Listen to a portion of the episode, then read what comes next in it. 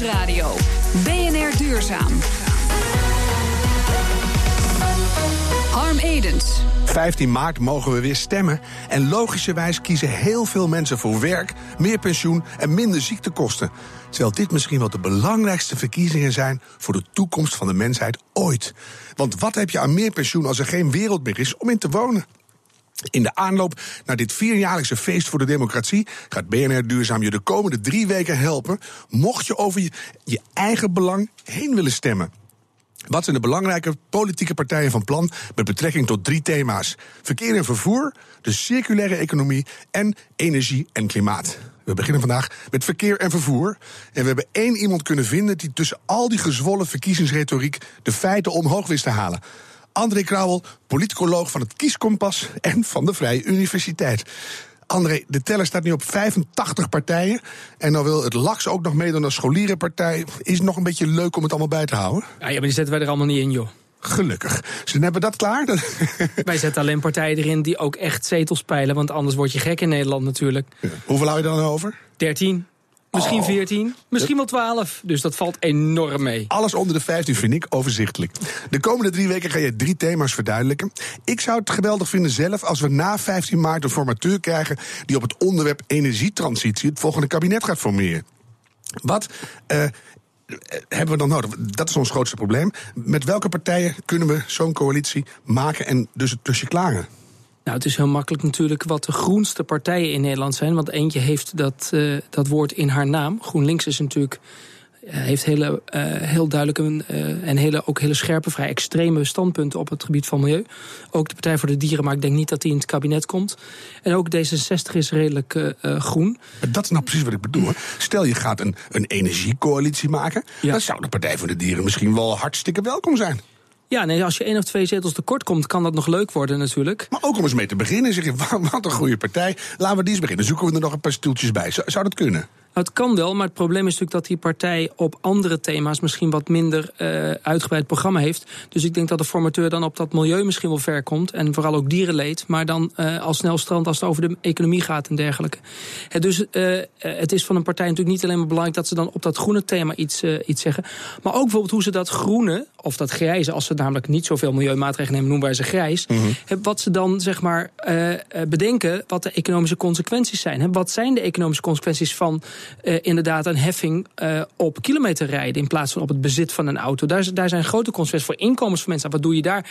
Welke mensen worden daar dan minder van en welke ja. verdienen daardoor meer? He, dat, dat zijn dingen waar je natuurlijk ook over moet nadenken. Je had GroenLinks, Partij voor de Dieren, noem nog eens een paar groene toppers. Uh, D66 is redelijk uh, groen. En daarna eigenlijk uh, zie je dat de Partij van de Arbeid, ChristenUnie, heel interessant. Hè? De, ja. Het rentmeesterschap van de aarde is in goede handen bij ChristenUnie, zouden zij zelf zeggen. Dat vind ik toch fijn, ik weet niet. Ja, ja, nee, klopt. Ik ben niet zo van die C, maar de rest en, vind ik dan wel weer en fijn. Het, het, minst groen, dus het meest grijs, het, het partij die het minst zeg maar, automobilisten en dergelijke in de weg wil leggen, dat is echt de VNL, PVV en de VVD.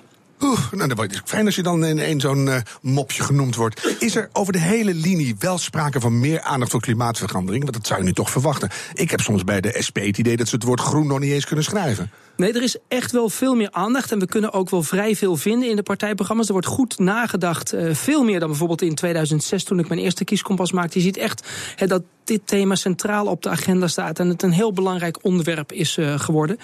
Um, uh, maar het is waar dat sommige partijen natuurlijk daar minder belang aan hechten. Of, dat wil zeggen, die komen ergens anders vandaan. En de SP komt ergens anders vandaan. Maar je die, moet wel zo langzamerhand, zou Maar je, je zeggen. moet natuurlijk zo langzamerhand, omdat ook uh, het milieu uh, natuurlijk allerlei invloed heeft op hoe we produceren en dus op lonen. En, en, uh, ja, maar je als pensioenfonds in belegd, noem maar nou, alles precies. eigenlijk. Dus je ziet dat ook de SP er niet aan ontkomt, ook al zijn ze ontstaan als socialistische partij die praat over arbeidsvoorwaarden en inkomen en, en werkgelegenheid. Dat ze natuurlijk op dat milieu ook langzamerhand steeds meer profiel krijgen en eigenlijk ook een hele traditionele linkse partij worden met redelijk groene standpunten. Vind ik wel mooi, redelijk groen. Vandaag kijken we naar verkeer en vervoer. Zijn de partijen uit onze top 14 helder wat ze hiermee willen? Welke, welke wel en welke niet? Nee, er zijn een heleboel partijen die zijn vaag. Bijvoorbeeld Denk, hè, wij moeten echt moeite doen om van Denk zeg maar, de groene standpunten te herkennen. Die moet je echt zoeken.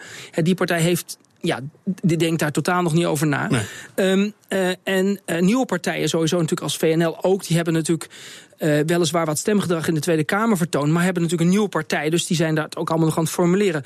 Maar die zijn wel weer kraakhelder. Hè. Die zeggen geen extra belastingen, uh, blijf van de auto af. Dus sommige partijen zijn wel weer heel kraakhelder daar, daarin. Als je, als je veel op milieu geeft, moet je niet bij VNL zijn. Dat is heel, heel duidelijk. Ik vind het belangrijke dingen om in het kader van dit programma hardop te zeggen. Zal ik een paar grote verkeer- en vervoersonderwerpen voor jouw neus gooien? En dan ga jij zeggen welke partijen daar opvallende standpunten over hebben.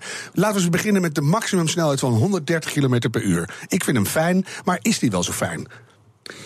Nou, uh, uh, is die fijn? Dat wil zeggen, um, uh, daar, daar, zie je dat mensen soms praten, of dat partijen soms praten over. Oké, in de nacht mag je wel hard, maar dan overdag niet. Hè. Dus je ziet dat partijen ook, hè, de VVD bijvoorbeeld, hè, die zegt we willen dat je op iedere weg zo hard mogelijk kunt rijden als veilig is. Dat willen ze. Hè.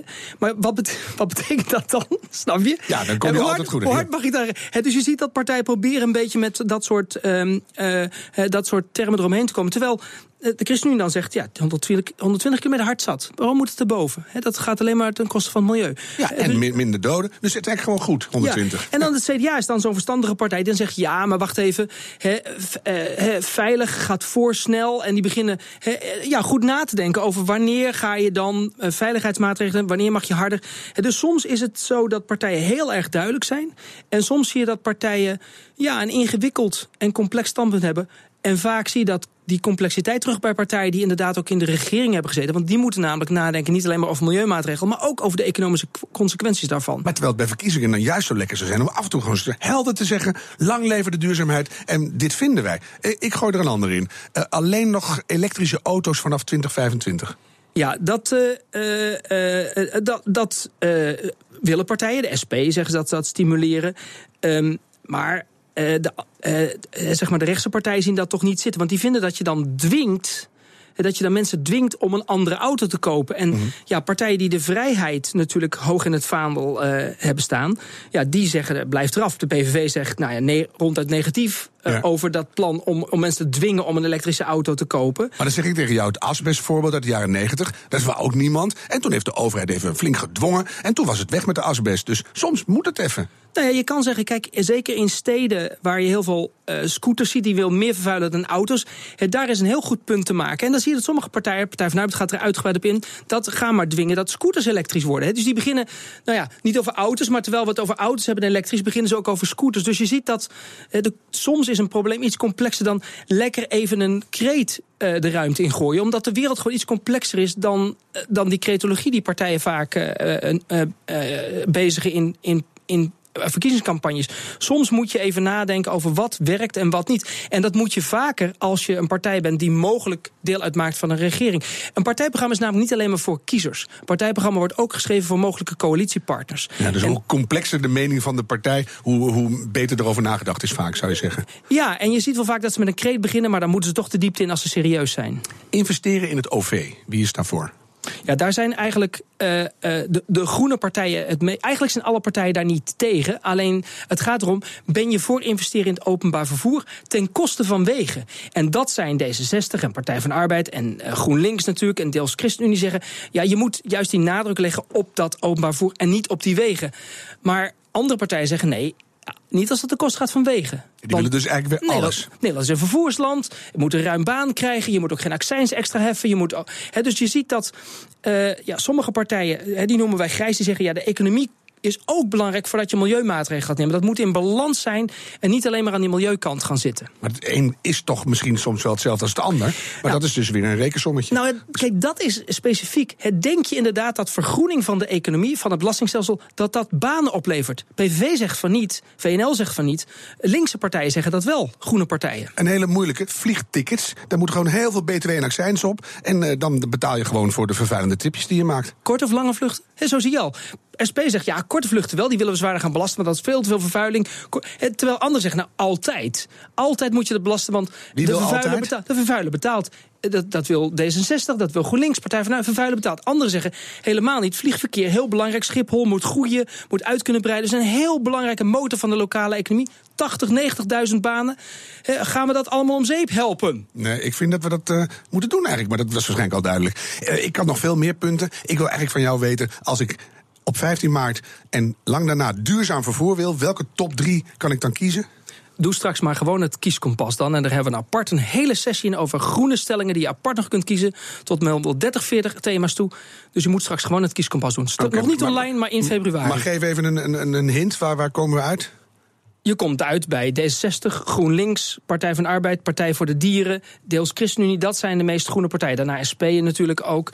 En uh, de, meest, de minst groene partij. Ja, die wil ik ook weten. Welke kan ik beter dan niet op stemmen? Dat, is trouwens, he, dat zijn partijen die dus heel sterk zeggen... denk aan de economie, denk aan baan, denk aan werkgelegenheid. He, dat zijn VNL, PVV, uh, eh, VVD en deels ook het, uh, ook het CDA. En is het voor jouw gevoel dan, want je zei net al, de, de vergroening en de verduurzaming kan heel veel werkgelegenheid opleveren. Is dat een terechte uh, stemadvies? Denk je? Nou, ik, denk om de economie, oh, dan stem ik toch maar daarop. Nou ja, je, bijvoorbeeld een van de dingen die je in het buitenland ziet. Dat, het idee is altijd, als je een centrum dichtmaakt voor auto's. Oh, gaat het economisch misroepen partijen soms als, het, als ze vooroud. Blijkt dat helemaal niet zo is. Blijkt zelfs dat mensen dat winkelen daar fijner vinden. Dus soms kan dat heel veel opleveren om een centrum te sluiten voor ouders. En betekent het juist meer groei en meer banen en meer winkelend publiek. Eh, op andere momenten is het als je het verkeer afsluit slecht. Eén ja-nee-vraag. En of is er ruimte voor een klimaatpartij? Nee. Er zijn zoveel partijen die er goed over nadenken. woord, André. Oh, nee. Was glashelder. Dankjewel, André Krauwel, politicoloog en ook van, van hetkieskompas.nl. Dankjewel. BNR Nieuwsradio. Duurzaam. Als sport per fiets kan de binnensteden ontzien. Minder fijnstof, minder opstoppingen, minder files en al helemaal geen CO2-uitstoot. Behalve dan wat waterdamp van de fietser zelf. En ook nog, beweren ze bij fietscourier.nl, het pakketje is veel sneller ter plaatse.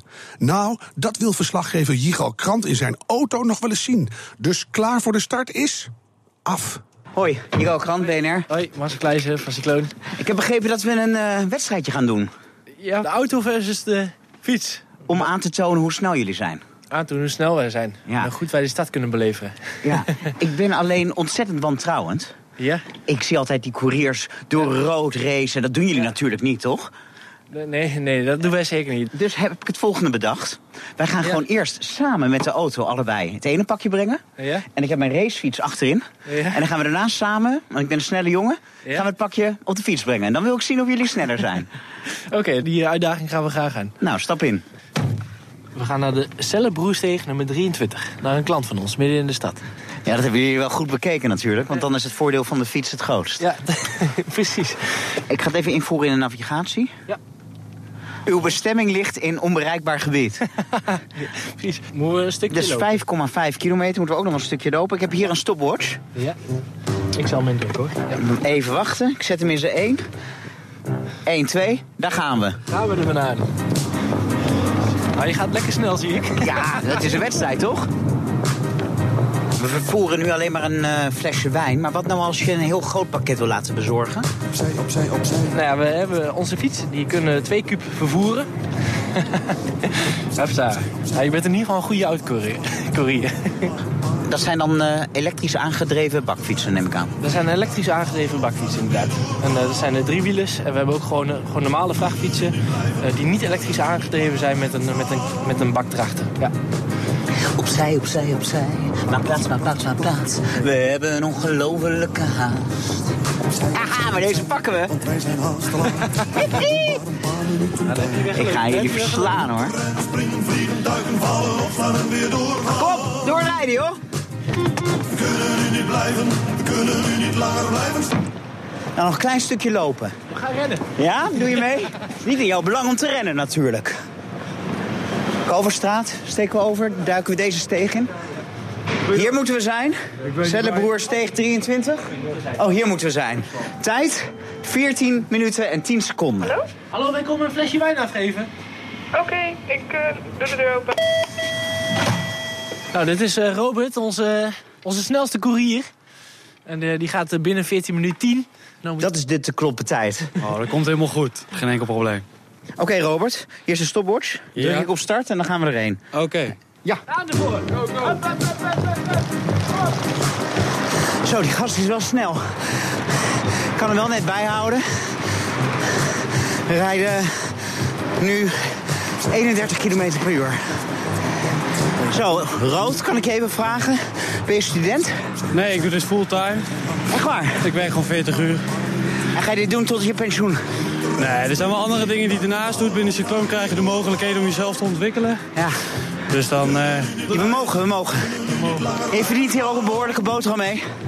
Voor het geld moet je het niet doen. Je moet plezier hebben in je werk.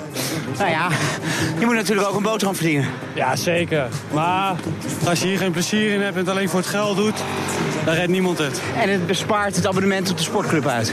Daarom. Ik kan s'avonds eten wat ik wil, zonder dat ik ook maar een kilo aankom. Nou, maar ik ben helemaal buiten adem. Ah, 11 minuten 30. Dat is, uh, even kijken, 2 minuten en 40 seconden sneller, toch? Gefeliciteerd. Ja, dankjewel. Zo zie je maar weer. Met de fiets is het altijd sneller. Een andere keer misschien. Zometeen in BNR Duurzaam. Hoe een roetbrakend transportbedrijf zich omvormde tot een toekomstzoenende logistieke dienstverlener. BNR Nieuwsradio. BNR Duurzaam. Zijn brandstofverkwistende, dieselverbrandende en walmende transportfirma veranderde hij in een duurzame, op de toekomst gerichte logistieke dienstverlener. Voor een betere wereld uiteraard. Maar ook omdat iedere stap in de omwenteling profijtelijk bleek voor de eigen portemonnee. Peter de Rooij, mede-eigenaar van de De Rooij Groep. Even kort om, om te schetsen hoe lang jullie al bestaan en hoe groot jullie zijn. Hoe lang bestaan jullie al en hoe groot zijn jullie? Wij bestaan sinds 1982. Omvang is ongeveer 50 eigen voertuigen, ruim 100 medewerkers. Er wordt wat afgerezen bij jullie, hè? Heel wat, ja. En, en wanneer kwam nou dat eerste tintje groen bij jou in beeld? Waarom, waarom dacht je van, hé, hey, ik moet anders? Dat eerste tintje groen kwam in beeld in 2007, 2008. Toen iedereen begon over CO2-uitstoot te praten en zo. Toen zijn we er eens over nagedacht. Hoe kunnen wij, wat kunnen wij ons voor een steentje daaraan bijdragen? In eerste instantie is in het vervoer heel simpel. Uh, minder CO2-uitstoot is minder brandstofgebruik is minder kosten. Ja, dus maar was er ook een concrete aanleiding? Want als de buren een beetje beginnen van... nou ja, er moet niet visie worden in de wereld... dan denk jij, het zal mijn tijd wel duren. Nou, niet, niet ja, misschien concreet uh, de El Gore-film en dat soort dingen allemaal. Dan begint het allemaal wat meer te leven, ga je er wat meer over nadenken. Je wordt zelf wat ouder en dat soort dingen. Dus ja, maar dat vind ik mooi om te horen. Want de media krijgen ook vaak de schuld van een hoop dingen. Maar dat heeft jou toch een beetje nee, de schellers om de ogen doen vallen. ons wel getriggerd om, uh, om er toch mee bezig te zijn. Mooi. Ja. Wat was het eerste dat je hebt veranderd? Je zei net al de, de brandstof. Nou, het eerste wat we veranderd hebben is om het uh, brandstofverbruik tussen de oren van onze chauffeurs te krijgen. En vooral proberen die rechtervoet in, uh, in bedwang te houden. Want dat is toch het eerste waar we op kunnen besparen. En daar hebben we een heel programma omheen gebouwd.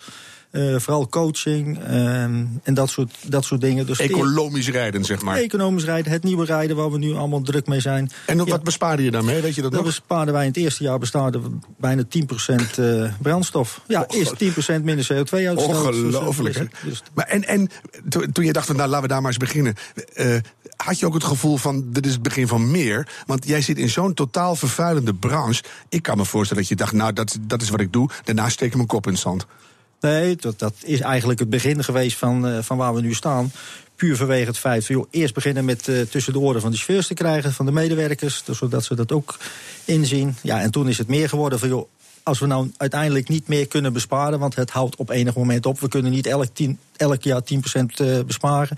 Dus ja, wat zijn er dan voor alternatieven? Nou, dan beginnen we met alternatieve brandstoffen en dergelijke. Ja, en zo kwam bij ons uh, ja, gas en, uh, en elektra in, in beeld. En hoe ver ben je nu? Want we zijn nu de, bijna tien jaar verder. We zijn nu tien jaar verder. En ja, het is nu inmiddels zover dat het derde van ons wagenpark rijdt inmiddels op, op groen gas. Zowel CNG als LNG. Mm -hmm. We hebben de eerste volledig elektrische 18 tonnen hebben we in, in gebruik. Dus nee, voorlopig alles wat we nu vervangen, dat zal waarschijnlijk allemaal, uh, allemaal gas worden, een groen gas. En, uh, ja, en, en, niet waterstof, want dat is toch een beetje voor het vrachtvervoer de toekomst, hoor ik ja, steeds. Ja, dat is wel de toekomst. En wij zien uh, gas ook echt als een transitiebrandstof, zoals we dat noemen. Maar op de lange termijn zal het echt wel uh, waterstof worden met hybride toepassingen. Zoals wel dat we waterstof gebruiken om uiteindelijk elektrisch te kunnen, te kunnen rijden. Ja, die carbon die moet eruit natuurlijk. Die moet er zeker uit, ja. Nou, transporteren jullie zowel op de lange afstand als in de binnensteden. We hoorden net alweer dat je dan beter misschien de fiets kan nemen.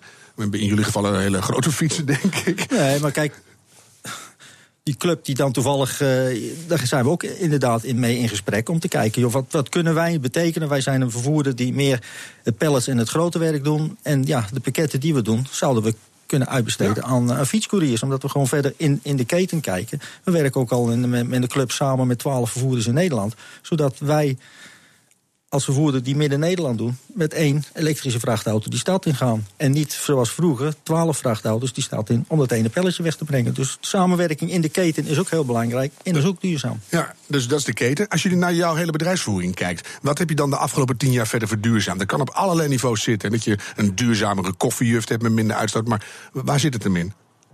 Ja, dat zit in eerste instantie in het, uh, in het nieuwe rijden. Dat zit in zonnepanelen, dat zit in ledverlichting. Uh, ja, je kan dus gek. Uh, ons hele gebouw wordt met pelletkachel verwarmd. Ook compleet CO2-neutraal. We hebben zoveel zonnepanelen liggen dat we in ieder geval zelf CO2-neutraal zijn. Maar pelletverwarming kan je niet echt CO2-neutraal noemen natuurlijk. Nou ja, uiteindelijk is het...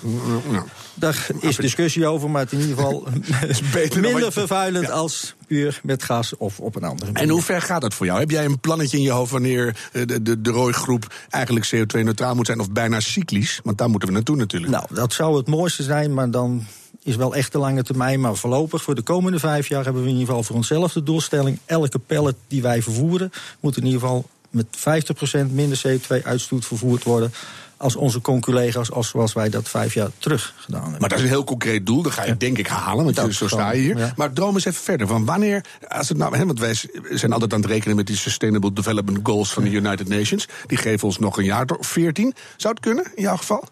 Nou, voor een groot gedeelte wel. Dat is toch fijn denk, om te horen? denk, in ieder geval ben ik ervan overtuigd dat we met 10, 15 jaar... dat we in ieder geval een groot gedeelte van ons vervoer wat op de korte afstand doen, dat we dat volledig elektrisch uh, kunnen doen. Maar dat zeg ik niet voor niks, hè? Want uh, het gaat als uh, de, richting de, de 15 maart moeten we met z'n allen toch ook de hoopverhalen vertellen. Ja. Dat het kan gewoon. Het kost helemaal geen arbeidskracht, kost geen economische groei. Het gaat juist goed. Klinkt wel eens een heel peperduur grapje. Of heb jij een ander verhaal te vertellen? Nee, uiteindelijk alles wat wij doen of wat wij investeren. Kijk, het is wel zo met duurzame investering kijk je wel wat meer op de langere termijn. En dat is ook wel weer het voordeel van je bedrijf. We kijken niet uh, een paar weken verder. Nee, we kijken alweer twee, drie of vijf jaar verder. Want uiteindelijk moet die investering uh, terug, terugverdiend worden. Maar dat haal je dus? Dat halen wij wel. Dat doe je op lange termijn. Kijk, zonnepanelen gaat je niet op mijn dak leggen wat, uh, ja, wat het niet kan houden of zo. Dus je kijkt wel daadwerkelijk van, joh, kan mijn dak het houden en zit ik er over tien Een hele goede tip. Leg nooit een zonnepaneel op een dak dat het niet kan houden. Nee, maar... de, de, verkiezingen komen eraan. Ja. Wat vind jij dat de politiek moet doen om de verduurzaming binnen het bedrijfsleven te vergemakkelijken? Nou, wat het belangrijkste is, dat er duidelijkheid is. En niet die vier jaar vooruit denken, want over vier jaar komt er weer wat anders... en dan hebben we weer dezelfde de problemen. Nee, wij willen gewoon in het transport willen gewoon duidelijkheid... zodat we ook die investeringen erop kunnen. Kijk, onze uh, bedrijfsmiddelen zijn, ja, zijn dure investeringen. Die, die, die, moeten we in vijf of tien jaar moeten we die afschrijven. Kijk, en dat is met binnenstedelijke distributie exact hetzelfde. Iedereen wil alles op slot doen. Prima, voor mij mag alles op slot, maar dan moet het over vier jaar nog op slot zijn. En nu niet op slot doen, over vier jaar gaan we weer open doen. Dus rust. Rust. En, en, Geen route en regelmaat. Ja, en, en accijnsproblematiek, wees daar ook duidelijk in. En niet, want anders kan je nooit iets van zijn leven terugverdienen. Moet gewoon uh, simpel zijn. Ik ga je enorm bedanken en heel veel groene hoop geven. Dankjewel, Peter Dankjewel. de Roy van de De Roy Groep. De minuut van de waarheid. Om de energietransitie te versnellen hebben we alle vormen van duurzame energie nodig. Ook biobrandstof. Dat beweert Transport en Logistiek Nederland. Redacteur Frederik Mol wilde het wel graag even zeker weten. Transport en Logistiek Nederland vindt het belangrijk dat ook de weg naar biobrandstoffen open blijft. Want alleen door in te zetten op alle alternatieve brandstoffen kunnen we de duurzaamheidsdoelen behalen. Maar is dat zo? Factchecker deze week is Bert van Wee, hoogleraar transportbeleid van de Technische Universiteit Delft. Hoeveel dragen biobrandstoffen bij aan het verlagen van de uitstoot van broeikasgassen? Dat hangt er maar net vanaf hoe ze geproduceerd worden. In ieder geval is het de totale bijdrage van biobrandstoffen aan de klimaatdoelstellingen sowieso vrij beperkt. De meeste studies denken dat biobrandstoffen hooguit 20 tot 30 procent kunnen bijdragen van het totaal wat nodig is voor de transportsector.